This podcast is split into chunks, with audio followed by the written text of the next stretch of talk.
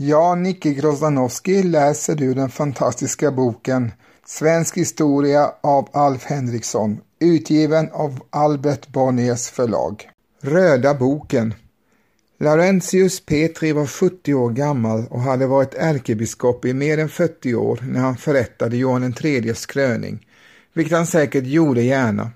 Han hade en tid stått på ganska spänd fot med Erik XIV som inte var någon pålitlig lutheran utan lutade åt det reformerta hållet. I motsats till denne var Johan III mycket kyrkligt intresserad och även teologiskt bildad. Han hade vidare stor respekt för det biskopliga ämbetet och för den gamla ärkebiskopen personligen. Kort efter kröningen trycktes en ny kyrkoordning upp som denne hade låtit utarbeta. Konungen utfärdade ett påbud om dess efterlevnad och gick även med på att sammankalla ett kyrkomöte till att bekräfta och statsfästa den så att den skulle kunna få karaktär av en grundlag. Sommaren 1572 kom mötet till stånd och antogs planenligt den nya kyrkoordningen, en skrift som har haft stor betydelse för rikets andliga tillstånd under århundraden. Skriften är ett intressant dokument, icke blott för teologer. Den ärkebiskoplige författaren är en god lutheran och visar samtidigt djupt pietet inför det hävdvunna. I företalet vänder han sig dels mot den påvska villfarelsen, bedrägeri och avguderiet, dels och framförallt mot de sura med vederdöpare, sakramentsskändare, svingalianer och kalanister som ville göra rent hus med alla riter och ceremonier. Själv ville han ha kvar så mycket som möjligt av kyrkliga seder och bruk från den katolska tiden. Latin, säger han, bör inte föraktas i mässan.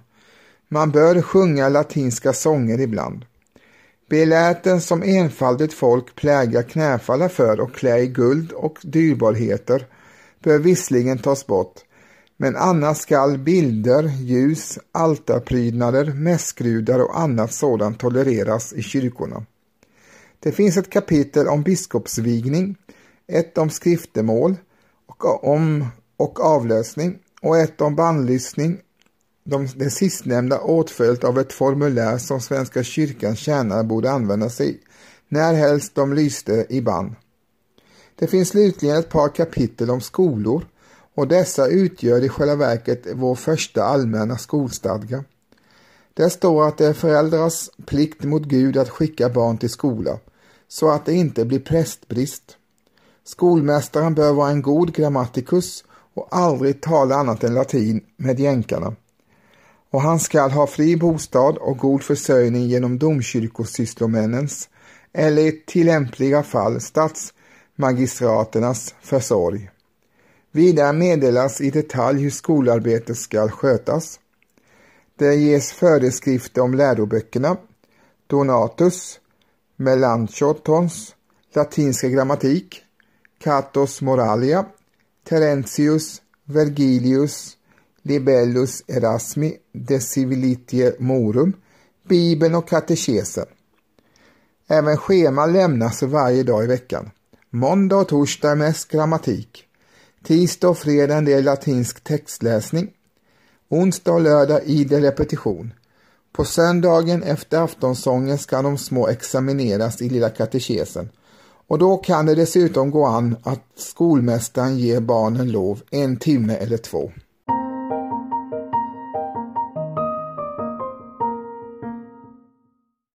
När kyrkoordningen väl var i hamn gick Laurentius Petri ur tiden och när han låg på sitt yttersta kallade han till sig en hovpredikant och bad denne hälsa kungen och tacka för hans omtanke om kyrkan samt mana honom att för framtiden bevara henne i renhet och stadga. Kung Johan III blev mycket glad över den hälsningen och uppfattade den tydligtvis inte som någon kritik. Han var varmt fäst vid sin drottning Katarina Jagalonika som var hängiven katolik men han var också bevandrad i tidens ekumeniska litteratur i den milde Melchentons efterföljelse och lär ha läst bland annat en Luthers teolog vid namn Kassander, vilken menade att den söndrade kristenheten nog kunde återförenas igen på basis av kyrkofäderna Åtskilliga avskaffade gudstjänstbruk från den katolska tiden borde till den ändan återinföras eller i varje fall tolereras. Sådana försonliga meningar hyste också den gamle ärkebiskopens efterträdare, som också han hette Laurentius Petri och var svärson till sin mera berömda namn. De båda prelaterna skiljs i historien åt genom tillnamnen Nericensis och Gotus, Närkingen respektive Göten.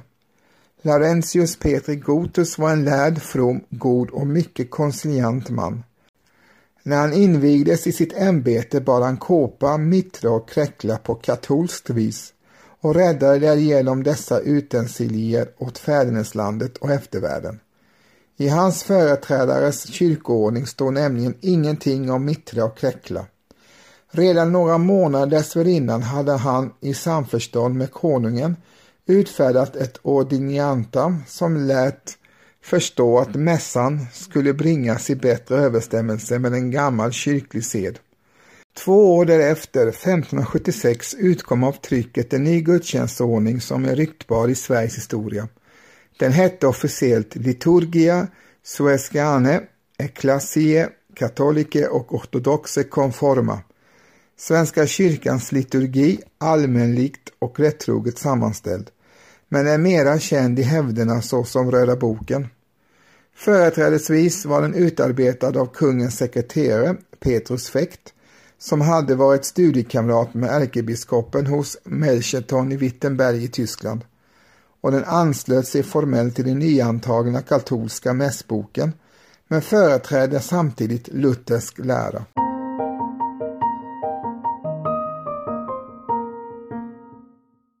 Röda boken framkallade omedelbart stort buller i landet. Hertig Karl, som personligen närmast var kalvinist, satte sig bestämt på tvären och var fast besluten att inte införa den i sitt hertigdöme.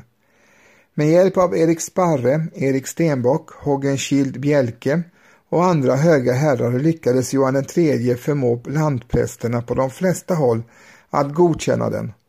Men ett litet antal präster gjorde ivrigt motstånd, främst bland dem Uppsala-professorn Olaus Lutt och Stockholmsrektorn Abrahamus Angermanus som var svågrar med Laurentius Petri Gottus och svärsöner till den gamle ärkebiskopen liksom han.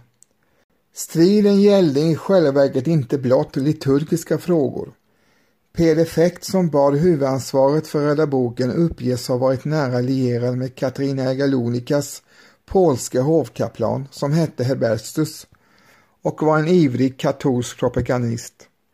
En av de gamla ärkebiskopens sista gärningar i det jordiska hade varit att bemöta ett angrepp av Hebestus på den lutherska uppfattningen av det prästerliga ämbetet och av nattvardens sakrament.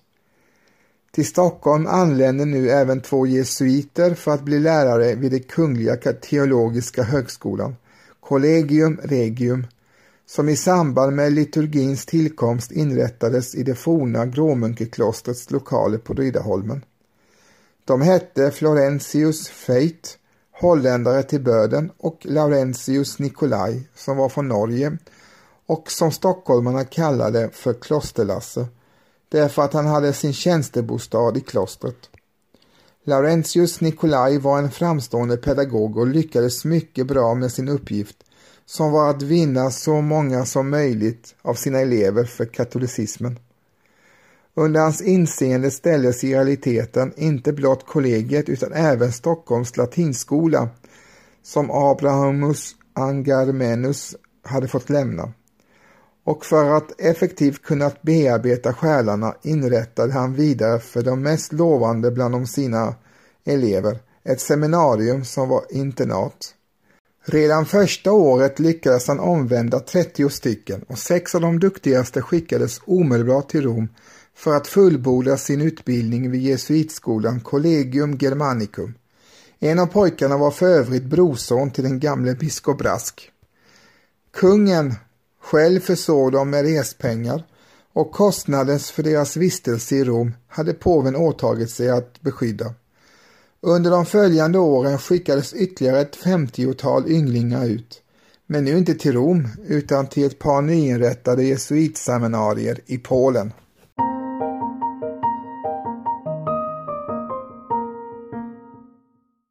Kung Johan III ville alltså verkligen återinföra katolicismen i Sverige fullt ut och skälen var bland annat politiska. Ett gott förhållande till påven kunde vara till nytta i åtskilliga avseenden.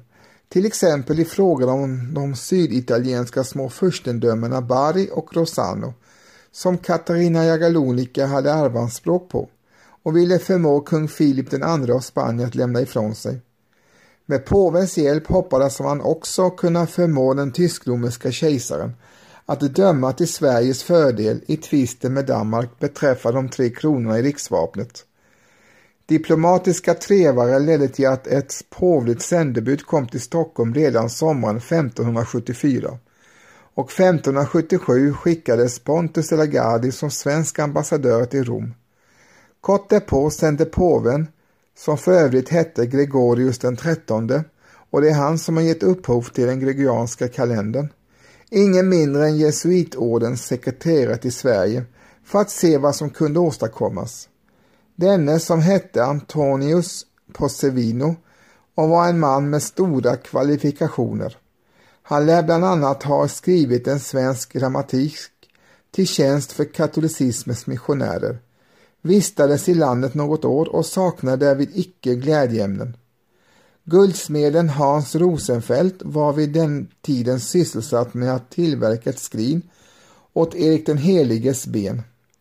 Det skedde på kunglig uppdrag och guldsmeden hade att göra i fem år innan skrinet med relikerna kunde placeras i Uppsala domkyrka där den alltjämt står. Katolicismen vann uppenbar terräng i Sverige och behövde inte vara så försiktig längre och klosterlasse framträdde rätt ohöljt som det påvliga sändebudets handgångne man.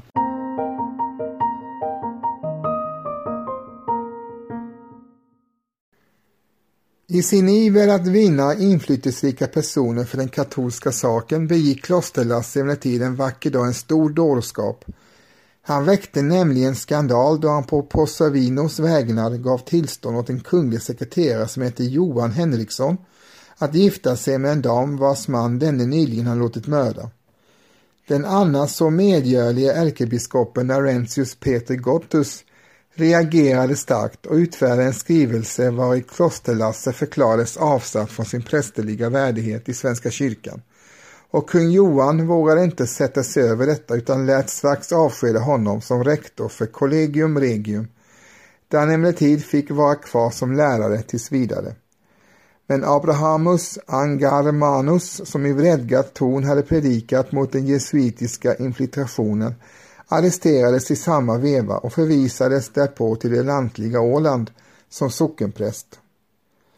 Allt detta hände våren 1578 och vid den tiden reste Antonio Possevino åter hem till Rom för att konferera med påven angående Svenska kyrkans eventuella in återinträde i den romerska kristenheten. Kung Johan hade nämligen ställt vissa besvärliga villkor. Prästernas äktenskap, gudstjänst på modersmålet och nattvardens utdelning till alla borde få bibehållas i ett katolskt Sverige. Personligen biktade han sig emellertid ödmjukt för denne lärde jesuiten och fick avlösning av denne innan han for. Någon månad efter hans avfärd anlände till Sverige en annan delegat från Sydeuropa, nämligen en spansk kapten som hette Francisco de Eraso och var hitskickad av kung Filip II. Hans ärende var att försöka få 30 eller 40 stora örlogsskepp med svensk besättning till hjälp åt spanjorerna i deras kamp mot de upproriska Nederländerna och i gengäld skulle han förspegla kung Johan ett skäligt tillmötesgående beträffande hans anspråk på de italienska furstendömena. Kapten Erasso fick i Sverige förbindelse med kungens äventyrliga syster Cecilia, markrevinna av Baden och nyss bliven änka. Hon var numera katolik och vistades i Arboga, som hade utsetts att underhålla henne under hennes besök i det gamla hemlandet. Hon var emellertid en riskabel bekantskap att göra med Ty under sina kontakter med henne ådrog sig den spanske krigaren Johan IIIs djupa misstroende och en vacker dag blev han arresterad som spion. En livlig diplomatisk aktivitet från den katolska världens sida åstadkom att han snart blev frigiven och fick tillstånd att resa sin väg igen. Men några svenska skepp åt kungen av Spanien fick han naturligtvis inte med sig och hela affären var ägnad att betydligt minska kung Johans intresse av att stå väl med påven. Vid det här laget hade det gått drygt ett år sedan Posevinos drog bort till Rom och sommaren 1579 kom han åter tillbaka till Sverige med påvens svar på kung Johans förslag. Den helige fadern lät meddela att nattvarden åt folket vore en särskilt betänklig sak i ett land där det inte växte något vin och där det hade inträffat att man av nödtvång hade hällt öl i kalken. Beträffande i frågan om prästernas äktenskap hänvisade han till den grekisk-ortodoxa kyrkans avskräckande exempel och till en straffdom som Gud hade låtit övergå dess bekännare genom att göra dem till trälar under turkarna. Svaret var alltså helt avvisande, vilket naturligtvis var att vänta. Men kung Johan tog mycket illa upp och bemötte för framtiden katolismens ambassadörer rätt kyligt.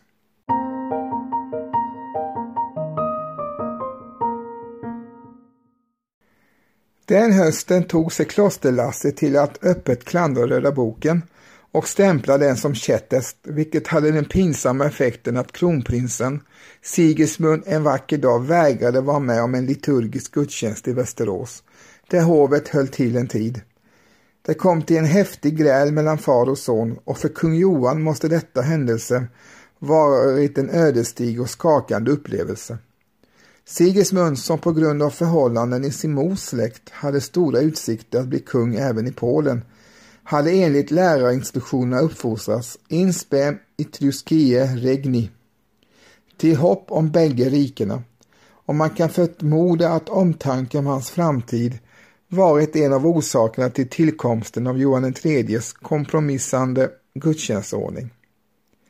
Denne gav dock inte upp hoppet om sitt verk. I Linköping avsattes skymfligen biskop Martinius Olai som hade motarbetat liturgien och därmed stod fyra stift av landets sju till kungens förfogande.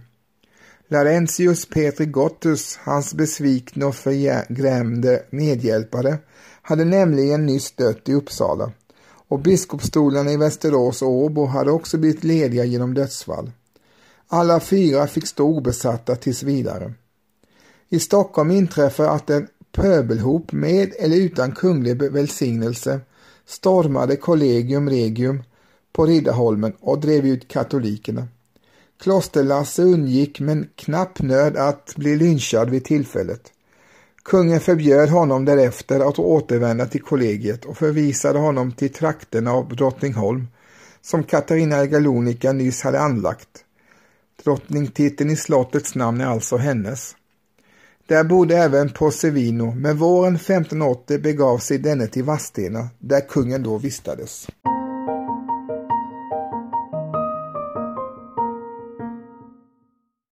Birgitanierklostret i Vadstena fanns alltjämt kvar, en blomstrande hägnad öttagård i kätteriets vildmark som den lärde främlingen uttryckte saken på sitt latin.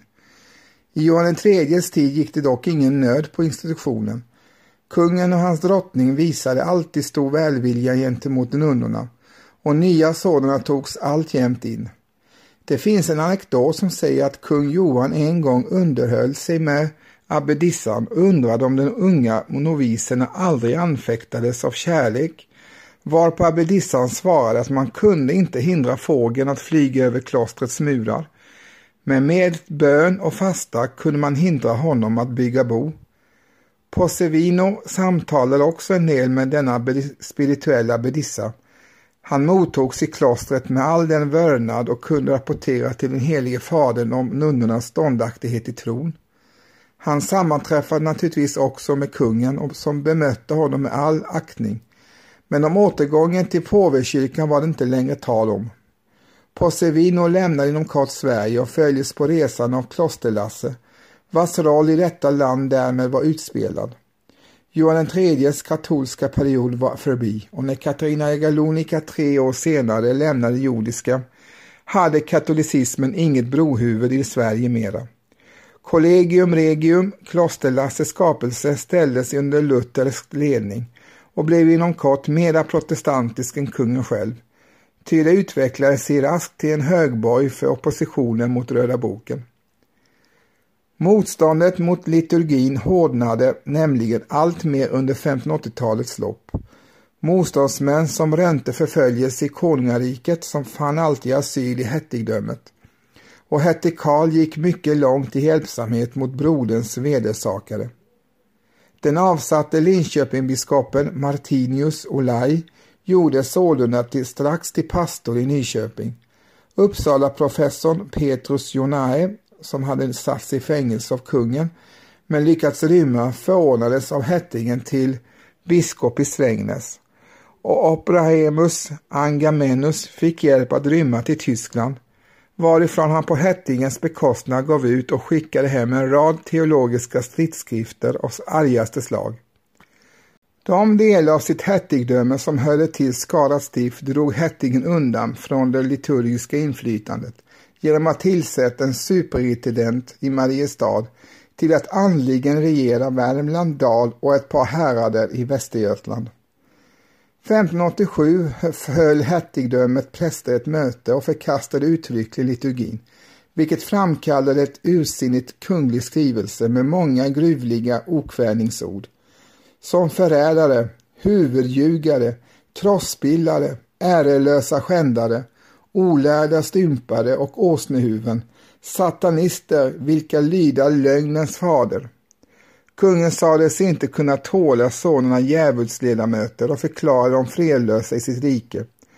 Men de hertiga prästerna lät sig ej förfaras av denna salva utan gav svar på tal. Efter denna tid undergrävdes liturgins ställning oavbrutet och mot slutet av sitt liv tycktes kungen ha insett att dess dagar var räknade. Därom föreligger rent av ett resignerat yttrande av denne koleriske man. Viljen de hålla den nya mässordningen, så må de hålla den gamla. Vi äro ej deras samvetets konung.